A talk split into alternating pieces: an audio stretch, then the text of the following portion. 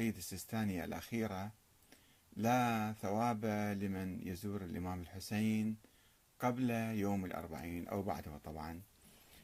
آه، و آه، طبعا الحديث عن زيارة الأربعين أما الزيارات الأخرى لا نقصدها ولا يعنيها هو الآن هنا. آه، الآن نستمع إلى هذه الفتوى من وكيله الشيخ محمد الأسدي ثم نعلق عليها وتعلقون أيضا وما رأيكم بهذه الفتوى؟ وعلى ماذا تبتنى؟ الواقع الأحباء لا زلنا مع سماحة السيد السيستاني في توضيح فتاوى سماحة السيد. والليلة سوف نوضح فتوى لعله الكثير من إخوتنا الأعزاء من يسمعون يدخل الحزن على قلوبهم. من أجل إيصال الحكم الشرعي. ألا وهي من زار؟ ونسأل الله نسأل الله جل وعلا أن يجعلنا وإياكم من زوار الحسين. من زار؟ الإمام الحسين عليه السلام قبل يوم الأربعين. لا تحسب وهذا من الحزن طبعا لا تحسب له زيارة الأربعين عند السيد السيستاني حفظه الله.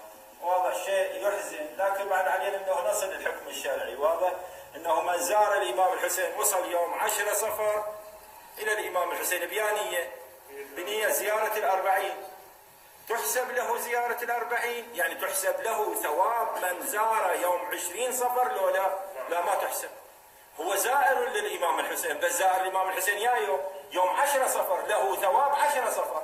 وعشرة صفر مو هي زيارة الأربعين.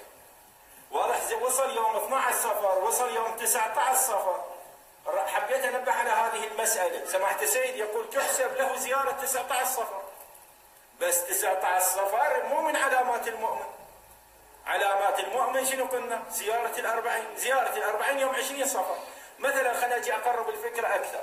نقول أنه واحد يزور الإمام الحسين ليلة الخميس. تحسب له ثواب ليلة الجمعة لولا حتى لو ينويها. يقول الليلة أزور الإمام الحسين بنية يا نية ليلة الجمعة. ما تنحسب ليلة الجمعة تنحسب له يا يوم. ليلة الخميس واضح إن شاء الله. زيارة الإمام الحسين يوم خمس ولادة الإمام الحجة عجل الله تعالى فرجه الشريف 15 شعبان. اللي يزور يوم 14 تنحسب له. أمور توقيفية هذه. واضح الله جل وعلا في هذا اليوم أحب أن يرى العباد وين موجودين عند قبر الإمام الحسين سلام الله عليه. واضح إن شاء الله؟ فمن أراد شنو لازم؟ هسه واحد يقول لا شيخنا صارت صعبة هاي الزوار كلهم اللي زاروا الإمام. الحسين شنو الحل؟ الرجاء راح أذكرها للأخوة. الحل ما هو؟ سماحة السيد يقول الذي لا يستطيع أن يتواجد عند قبر الحسين يوم عشرين صفر شو يسوي؟ يزور الإمام الحسين من المكان الذي هو فيه بنية زيارة الأربعين. يتوجه إلى قبر الإمام الحسين ويقرأ زيارة الأربعين. واضحة الفكرة؟ إذا الحل ما هو؟ الحل شنو الناس اللي راحوا وصلوا إلى قبر الإمام الحسين يوم 10 يوم 12 يوم 19 الحل من يرجع إلى بيته؟ شو يتوجه يتوجه إلى قبر الإمام الحسين شو يسوي؟ يزور زيارة الأربعين. واضحة الفكرة؟ على مو شنو تنحسب له؟ زيارة الأربعين. واضح إن شاء الله الفكرة لأنه الكثير من اخوتنا هسه راح نجي مثلا وفاة الرسول صلى الله عليه وآله يوم غد. شنو استحباب؟ زيارة أمير المؤمنين. ما هو الحل اليوم اللي زاروا اليوم ناس راحوا إلى إلى قبر أمير المؤمنين. أمس ناس وصلت أول أمس. بس هؤلاء لا يحسب لهم 28 صفر. 28 صفر له خصوصية عند الله جل وعلا. يوم 20 صفر له خصوصية. مثل الوقوف بعرفة. يصير واحد يوم 8 يوم التروية. يوم 8 من الحجة شنو يقف؟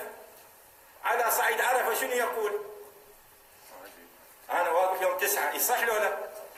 ما يصح واضح إن شاء الله الوقوف يوم تسعة عرفة مو يوم ثمانية حبيت انبه على هذه المسألة الشرعية والرجاء تنبيه الآخرين. هنا طبعا عندنا مجموعة نقاط اولا القياس قياس زيارة عرفة زيارة الأربعين زيارة الإمام الحسين على الوقوف بعرفة الوقوف بعرفة هناك نص نبوي من الحج. حجوا كما رأيتموني أحج يعني أو صلوا كما رأيتموني أصلي. آه، إحنا الدين والأحكام الشرعية نأخذها من القرآن الكريم ومن النبي الأكرم. أما ما عدا ذلك فهي آراء شخصية تصبح. البعض يعتبر أقوال الأئمة هي كأقوال النبي يعتبرون الأئمة معصومين وأقوالهم كأنه وحي جديد أو دين جديد. هذا ما موجود في الإسلام في الحقيقة يعني الثواب والعقاب والأجر وما إلى ذلك العبادات. العبادات محصورة في القرآن الكريم محصورة في سنة النبي. أما واحد إذا أراد يطلع مظاهرة مثلا المظاهرة قد تكون فيها استحباب سياسي يعني فيها هدف سياسي فيها مثلا تنديد بظالم مثلا نصرة مظلوم. يحسب له مثلا على نيته أجر معين ولكن لا تعتبر عبادة. أما إدخال آه، المظاهرة مثلا في الدين كأنها عبادة هاي يصير يسموها بدعة يعني ابتداع بالدين وهذا ما يجوز في الإسلام. هذا أولا القياس على آه، يوم عرفة. هذا مو صحيح لأن هذا قياس باطل والقياس ليس من مذهب الإمام الصادق وليس من مذهبنا القياس الأمور الدينية نأخذها فقط من القرآن الكريم ومن السنة النبوية. إذا الأئمة روانا رواية عن النبي نأخذها كرواية الأئمة رواة وليسوا أنبياء. البعض من الغلاة كانوا يعتبرون الأئمة كأنهم أنبياء. يوحى لهم وعندهم يطلعون على الغيب ويجيبون كلام من الله جديد وملائكة تنزل عليهم. هذه من أقوال الغلاة اللي مو صحيحة يعني ما يمكن واحد يتأكد عنده ويثبت ولازم ما ينظر إلى كلام الأئمة كأنه وحي منزل. هذه نقطة عقائدية. أعتقد أن كثير من المشايخ والمراجع لا يبحثوها بدقة وبالتالي يقعون في آه، مغالطات ويقعون في مشاكل. لأن المرجع المجتهد حقيقة مو فقط يجتهد بالأدعية والزيارات وهذه زيارة مستحبة وذيك الزيارة مو مستحبة أو زيارة كذا وكذا وإنما يجب أن يجتهد في مصدر هذا الكلام. أن هذا مصدر الكلام حجة شرعية أم ليس بحجة شرعية؟ وأن الأئمة هم رواة أحاديث عن النبي وما يروونه عن النبي نأخذ به. أو لا كل ما يقولون ويفعلون ويقرون هو يصبح كعمل النبي معصومين. وبالتالي نأخذ كلامهم كأنه وحي منزل. هذه نقطة أساسية ومهمة جدا ولكن كثير من المراجع ما يبحثوها. ما يقتربون من عندها ما يجتهدون فيها. ولذلك يبنون على جهل يبنون فتاوى على أمور ظنية. ما عندهم أكيد ويقين آه، في ما يعتقدون. ولذلك أنا أدعو دائما أو أول شيء يجب أن نجتهد وكل مجتهد يجب أن يجتهد في الأمور العقائدية قبل أن يجتهد بالأمور الفقهية والفرعية.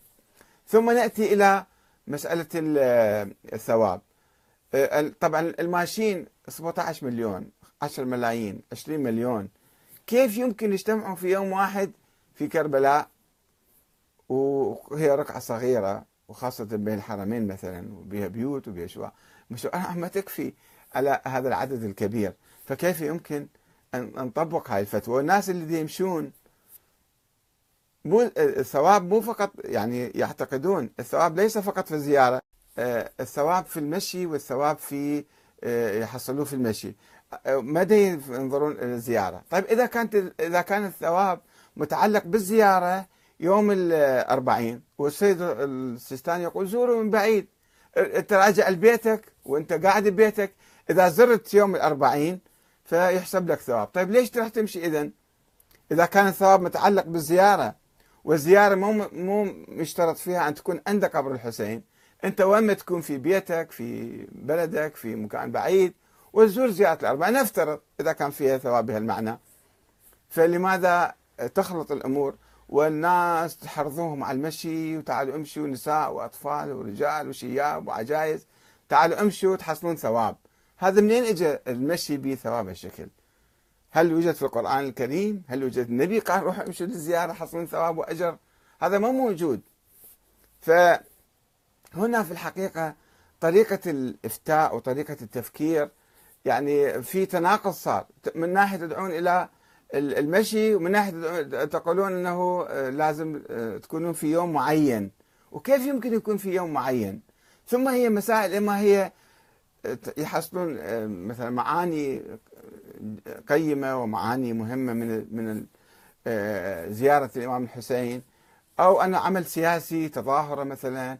فكيف يعني نربط الأمور حتى نصل إلى نتيجة معينة؟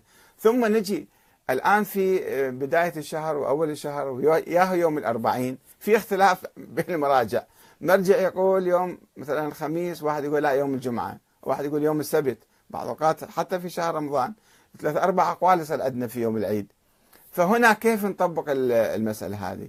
هي إذا كان في شيء مسألة الله يعني أي يوم أي يوم قبل بعد ساعة قبل ساعة بعد آه، ترجع أو تروح من بعيد من قريب تأدي هذا العمل وتقترب من الإمام الحسين وتتذكر معاني الإمام الحسين.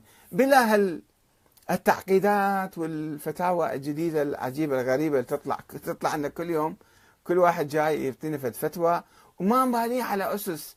أنت مثلا عرفت أن زيارة الحسين بها أجر من وين عرفت؟ كتاب مصباح المتهجد أو كتاب الشيخ الطوسي أو كتاب الشيخ الفلاني الكفعمي أو ما أدري منو ابن قولوي طلع في الكتاب. طيب تأكدت من الروايات صححتها بحثتها؟ لا قلت هاي مستحبات. آه، لا مناقشة كما يقولون. يعني في في القضايا آه، الاستحبابية ما يناقشون كثير. يلا بنية الرجاء. آه، يعني قوم بهذا العمل والله يعطيك الثواب. إذا الله يعطيك الثواب ليش أنتم البلد يعطل أسبوع أسبوعين والمدارس تعطل والطرقات تغلق ومشاكل كثيرة وصرف 500 مليار كما يقولون مليار مليارين خمس مليارات وتبقى في في نواحي أخرى ببلد مستشفيات ما فيها دواء مستشفيات السرطان مدارس مهملة طلاب ما عندهم مدارس فقراء مساكين موجودين بالبلد. ليش ما توجهوا جهودكم يا مراجع يا علماء يا خطباء؟ نحو سد الثغرات الموجودة في البلد وملء هالفراغات وحل هالمشاكل القائمة. توجهوا على مسائل ما ثابتة لا بالقرآن ولا بالسنة النبوية إنما أحاديث 400 500 سنة بعد اجى واحد ذكرها في كتاب وقال لك كذا والكثير من ادعيه وزيارات من وضع الغلاة وليست من وضع الأئمة. من وضع الغلاة وناس مشبوهين وفيها كفريات وفيها أشياء لحن وسبب توتر وسبب يعني مثلا سمعتوا أنتم في خلال المسيره جماعة السبئي اللعان ياسر اللعان جامع له مجموعة وتعالوا وكاتبين على أظهرهم ورافعين لافتات يسب فلان وشتم فلان وفلان في الجنة وفلان في النار.